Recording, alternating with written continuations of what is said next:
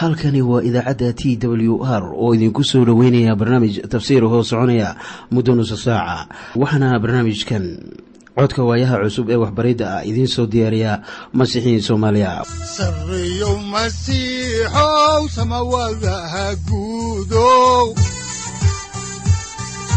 Siraadki adduunkow subanaha eebow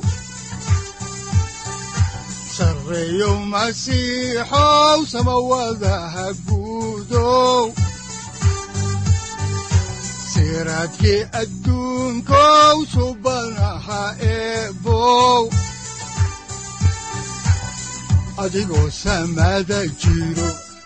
soo saldhiganba adigoo saamaada jiro ifkan soo saldhiganba kutubtiisanaaye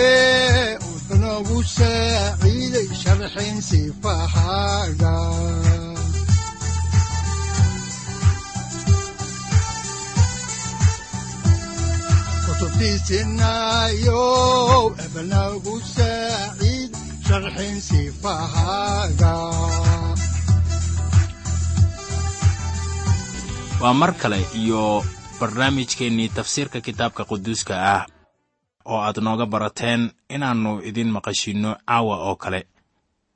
Waxaan horay u sii ambaqaadi doonnaa daraasaadkii la magac baxay baibalka dhammaantii oo aannu ku falanqaynaynay injiilka sida markos uu u qoray cutubka shan iyo tobanaad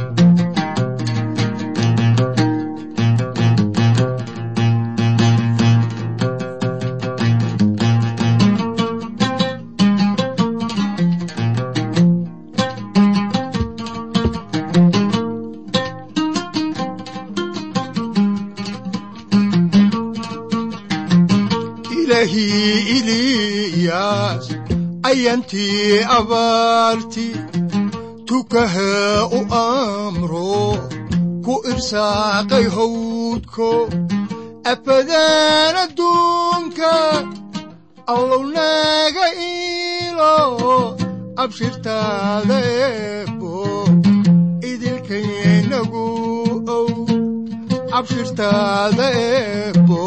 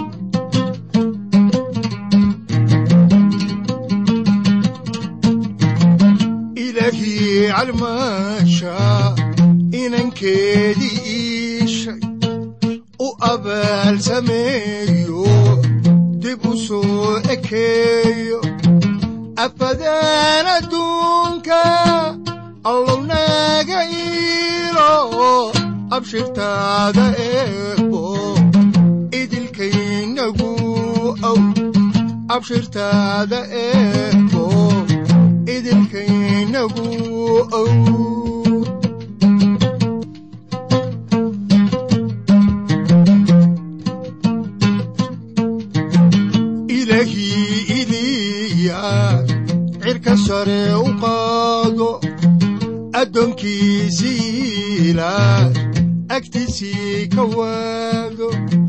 Afadaan adduunka allow naga iilo abshirtaada eebo markii noogu dambaysay waxaannu ka munaaqashoonaynay wax ku saabsan bilaatos oo go'aansaday inuu ninkan iska sii daayo. Iyo dadkii badnaa iyo madaxdoodii oo ku adkaysanaya in la dilo ciise masiix. Xaalku wuxuu isugu soo biyo shubanayaa inuu sidaa ku daayo. Bilaatos sida abbaarta ah wuxuu ahaa siyaasi aan awood badan lahayn. Wuxuu u soo dabcay qayladii dadkii badnaa wuxuuna ciise u dhiibay in la qodbo. Caddaaladdii dadkii reer rooma halkan bay ku hallowday nin aan eed lahayn ayaa haatan dhimanaya laakiin bal wax yar u sug. Wuxuu qaadanayaa booskayga oo kuma eed li'i ilaah hortii.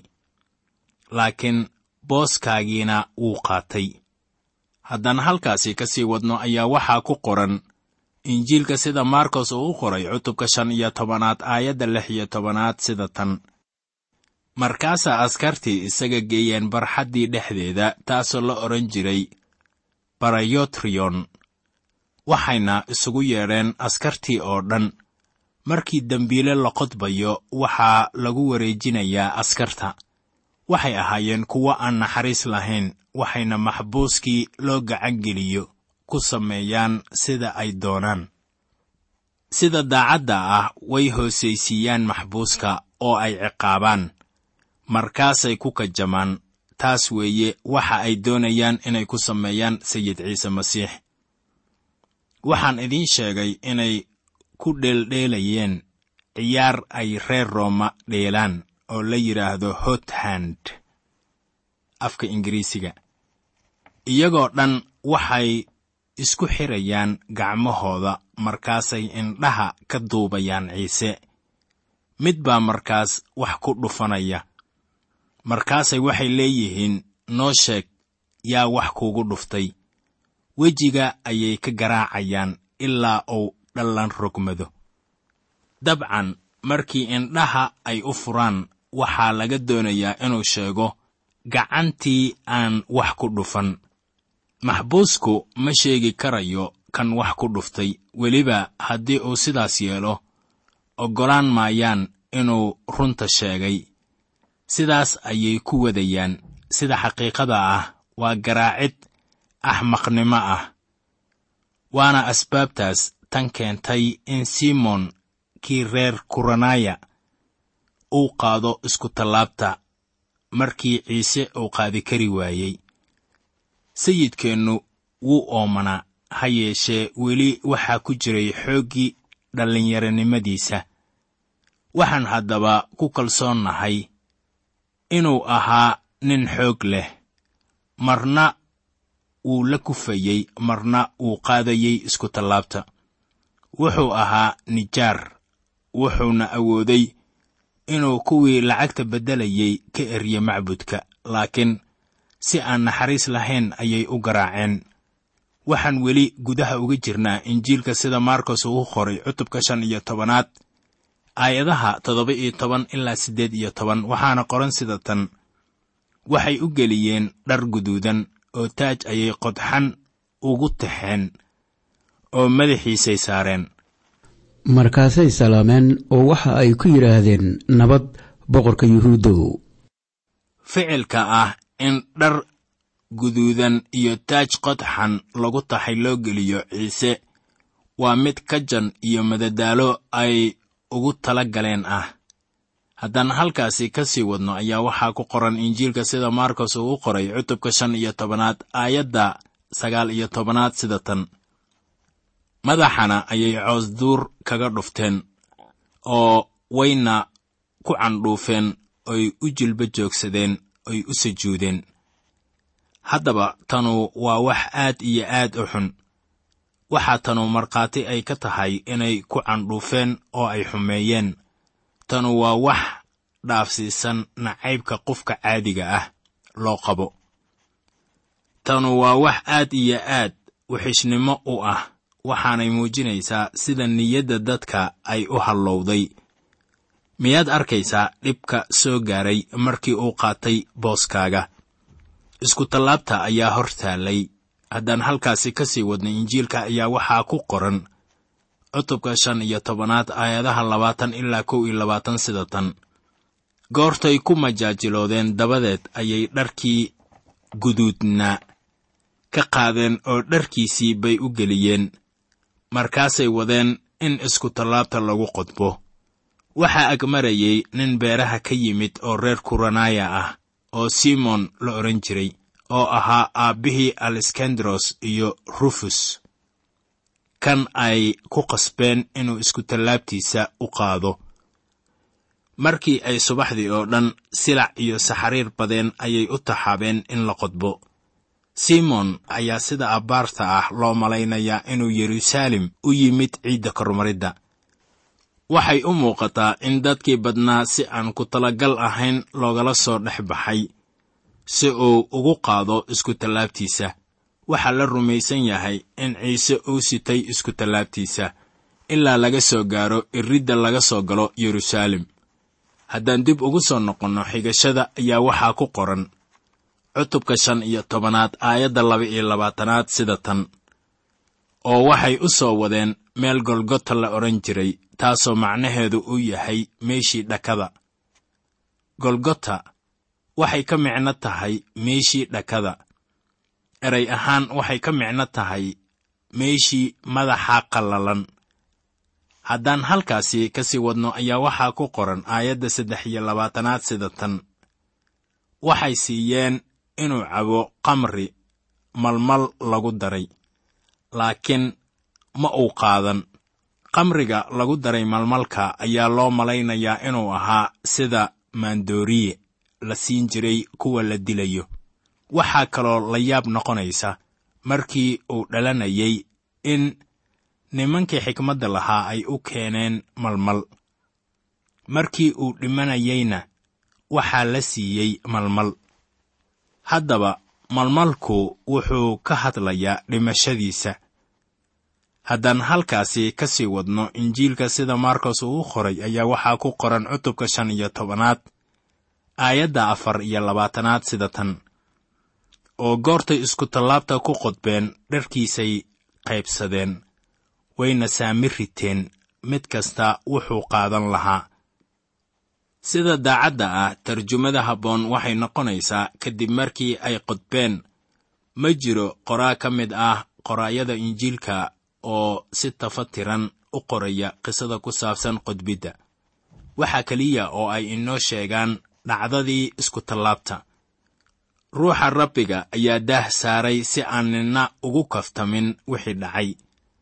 Halkan lanooguma qorin wax maskax aan camal lahayn ay isku mashquuliso. Waxaa halkan ka dhacay wax aad iyo aad u naxdin badan. In dharkiisii la qaybsaday ayaa kaamishay waxyigii ku qornaa zabuurka laba iyo labaatanaad aayadda siddeed iyo tobanaad. Haddaan halkaasi ka sii wadno injiilka ina hor yaalla ayaa waxaa ku qoran cutubka shan iyo tobanaad aayadaha shan iyo labaatan ilaa lix iyo labaatan sida tan.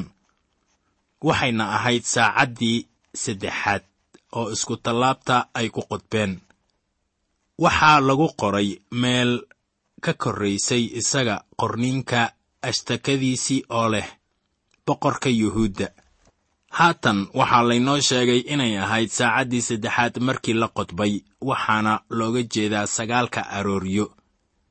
Markos wuxuu isticmaalayaa wakhtiga cibraaniyada yooxanaa wuxuu isticmaalayaa wakhtiga roomaanka. Waa inaynu markaa injiilada oo dhan isku keennaa oo aan ka soo qaadannaa sharaxaadda ay sheegayaan oo dhan. Yooxanaa wuxuu inoogu fasirayaa injiilkiisa cibraani giriig iyo laatiin ma jiro mid ka mid ah qorayaasha injiilka oo ina siinaya qisada oo dhan. Haddaba ashtakada dacwadii lagu qodbay waxay ahayd boqorka yuhuudda. Waxay u muuqataa warbixin aan caadi ahayn. In la yidhaahdo taasu waa wax dhab ah.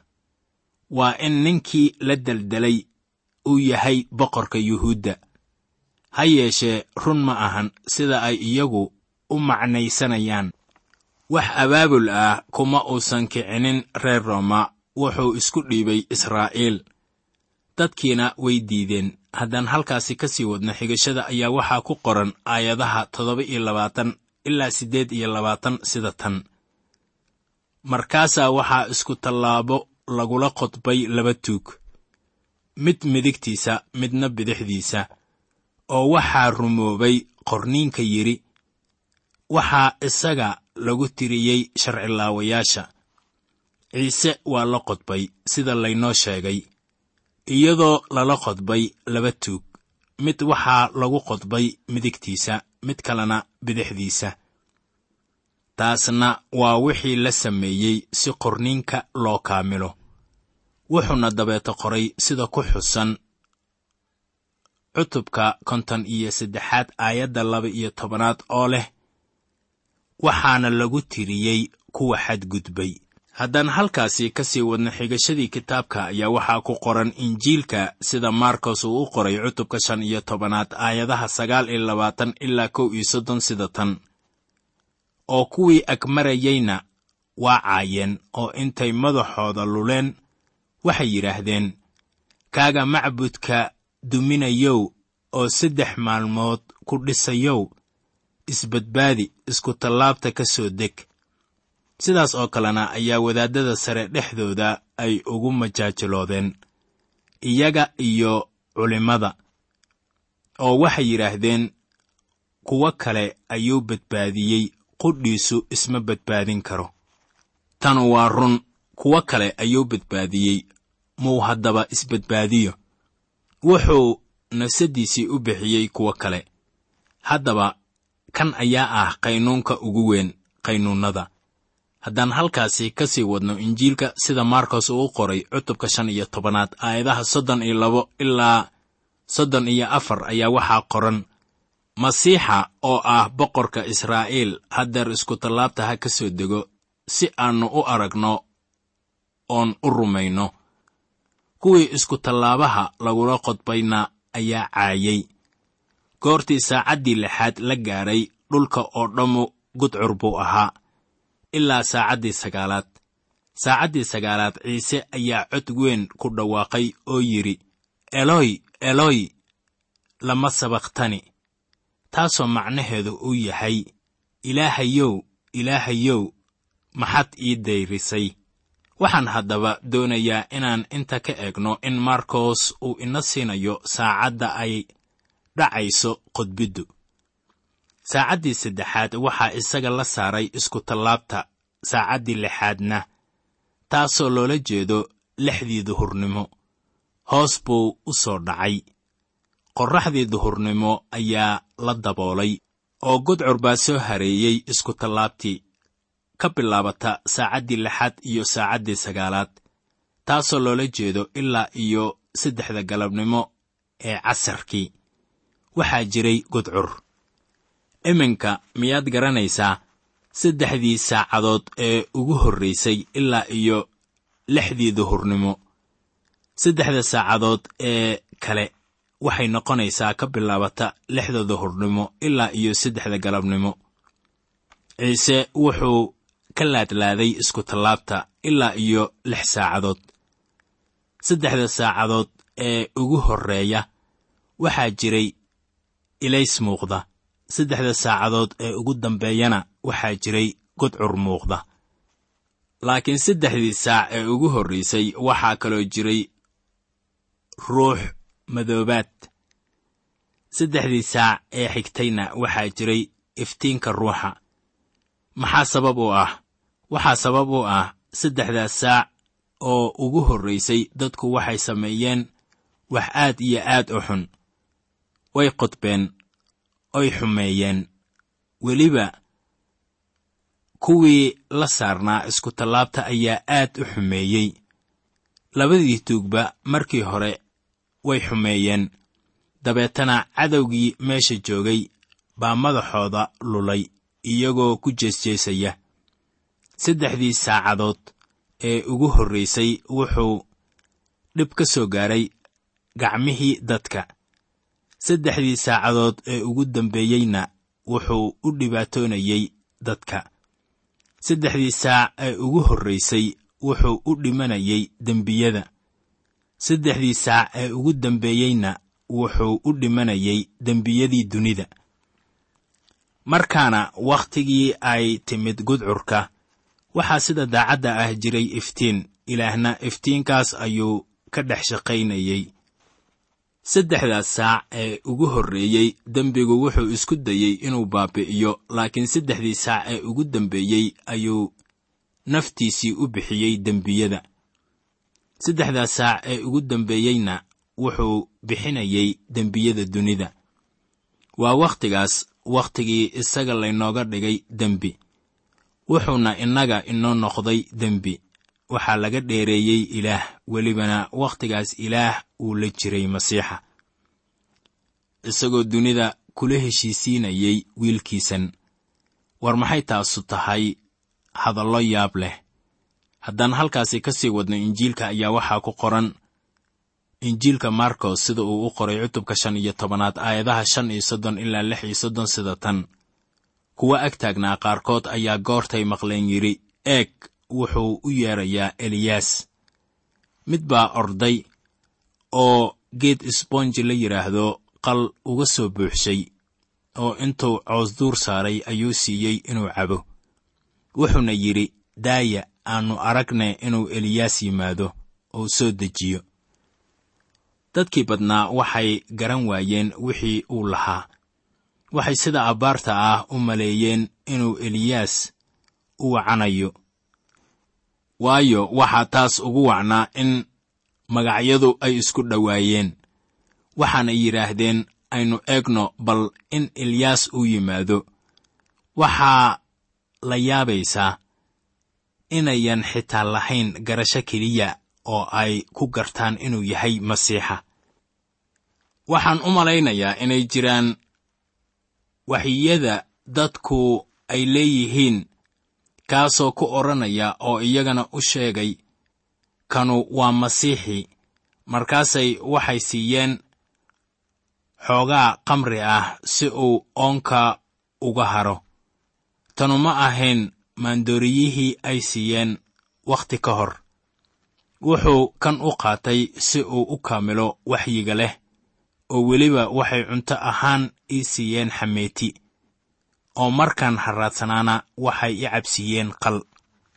Haddaan halkaasi ka sii wadno injiilka ayaa waxaa ku qoran cutubka shan iyo tobanaad aayadaha toddoba iyo soddon ilaa siddeed iyo soddon sida tan. Markaasaa ciise cod weyn ku dhawaaqay oo ruuxii bixiyey. Markaasaa daahii macbudka kor ilaa hoos laba uu u kala dilaacay uma dhiman in jidhkiisii diiday inuu shaqeeyo laakiin wuxuu bixiyey ruuxiisii kala dilaacista daaha. Waxaa markhaati looga dhigay wadaaddo badan. Saddexda fiidnimo waa marka allabariga laga bixiyo macbudka. Tanu waa qasab inay saamayn weyn ku yeelatay iyaga wakhtigaas. Waxaan mar dambe ogaanaynaa in kuwo badan oo wadaaddada ka mid ah ay garteen masiixa waxaa ku qoran falimaha rasuullada cutubka lixaad aayadda toddobaad sida tan. Markaasaa hadalkii ilaah faafay tiradii xertiina yeruusaalem aad ugu badatay oo tiro badan oo wadaaddo ahina iimaanka yeeleen. Ciise wuxuu bixiyey ruuxiisii ma dhinteen haddaannu bixinin ruuxa umana dhiman jareexo ka soo gaartay jidhkiisa taasoo loola jeedo inuu u dhintay si aan la mid ahayn sida dadku ay u dhintaan. Waxaan arkay dhowr qofood oo dhimanaya markii dadku ay dhimanayaan. Waxaan mar waliba arkaa iyagoo taahaya. Waxa aynu doonayno waxa weeye inaan neefta soo gurno. Laakiin isagu sidaas ma ahayn. Laakiin naftiisii wuu bixiyey markaana hubaashii taasaa dhimashadiisa ka dhigaysa wax qaab ahaan ka duwan tan dadka. Isla markaas uu bixinayay ruuxa ayaa daahii macbudka laba uu u kala dilaacay daahu wuxuu ka hadlayaa bini'aadamnimada qofka. Kitaabka laawiyiinta ayaa ina siinaya faham buuxa oo ku saabsan taas waayo kitaabkaas waxaa ku yaalla qaabka looga adeegayo taambuugga daahaas waxaad xusuusanaysaa inuu ka hadlayo bini'aadamnimadii masiixa. Waxaanay taasu xambaarsan tahay farriin aad u weyn. Soo arki maysid bini'aadamnimada waxay inaga xidhaysaa ilaah. Noloshiisii aan dembiga lahayn waxay inoo muujinaysaa sida nolosheennu dembi ay u leedahay. Wakhtigii uu dhintay daahaas macbudka ayaa la kala dilaaciyey haddaan halkaasi ka sii wadno injiilka ayaa waxaa aan ku soo khatimaynaa aayadda soddon iyo sagaalaad ee injiilka sida markos uu u qoray cutubka shan iyo tobanaad. Waxaana qoran sida tan kolkaasaa boqol u taliyihii oo meel ku toosan taagnaa markuu arkay inuu sidaas ruuxiisii u baaxshay wuxuu yidhi. Runtii ninkanu wuxuu ahaa wiilkii ilaah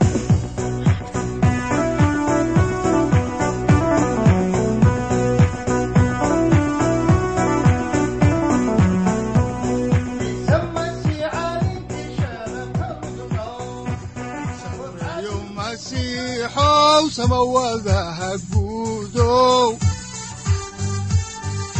siraadkii adduunkow subanaha eebow. Adigoo samada jiro ifkan soo saldhiganba adigoo samada jiro ifkan soo saldhiganba kutubtiisanaye udbanogu saaciiday halkani waa t w r idaacadda t w r oo idinku leh ilaa ha idin barakeeyo oo ha idinku anfaco wixii aad caawi ka maqasheen barnaamijka. Waxaa barnaamijkan oo kalea aad ka maqli doontaan habeen dambe. Hadahan oo kale haddiise aad doonaysaan in aad fikirkiina ka dhiibataan wixii aad caawi maqasheen ayaad nagala soo xiriiri kartaan som t w r at t w r c o k e haddii aad doonaysaan in aad dejiisataan oo kaydsataan barnaamijka ama aad mar kale dhegaysataan fadlan mar kale booqo www t w r o r g. Amase waxaad teleefoonkaaga ku kaydsataa ama ku download garaysataa agabyada ku sahli karaa dhegeysiga t w r haddii aad doonayso in laga kaalmeeyo dhinacyada fahamka kitaabka amase aad u baahan tahay duco fadlan fariimahaaga soo mari bogga aaraahda ama kommentska inana jawaab degdeg ah ayaanu ku soo diri doonaa amase ku siin doonaaye masiixow salula wihiyow saacadda timid dhulka sabada ku dhalatiyo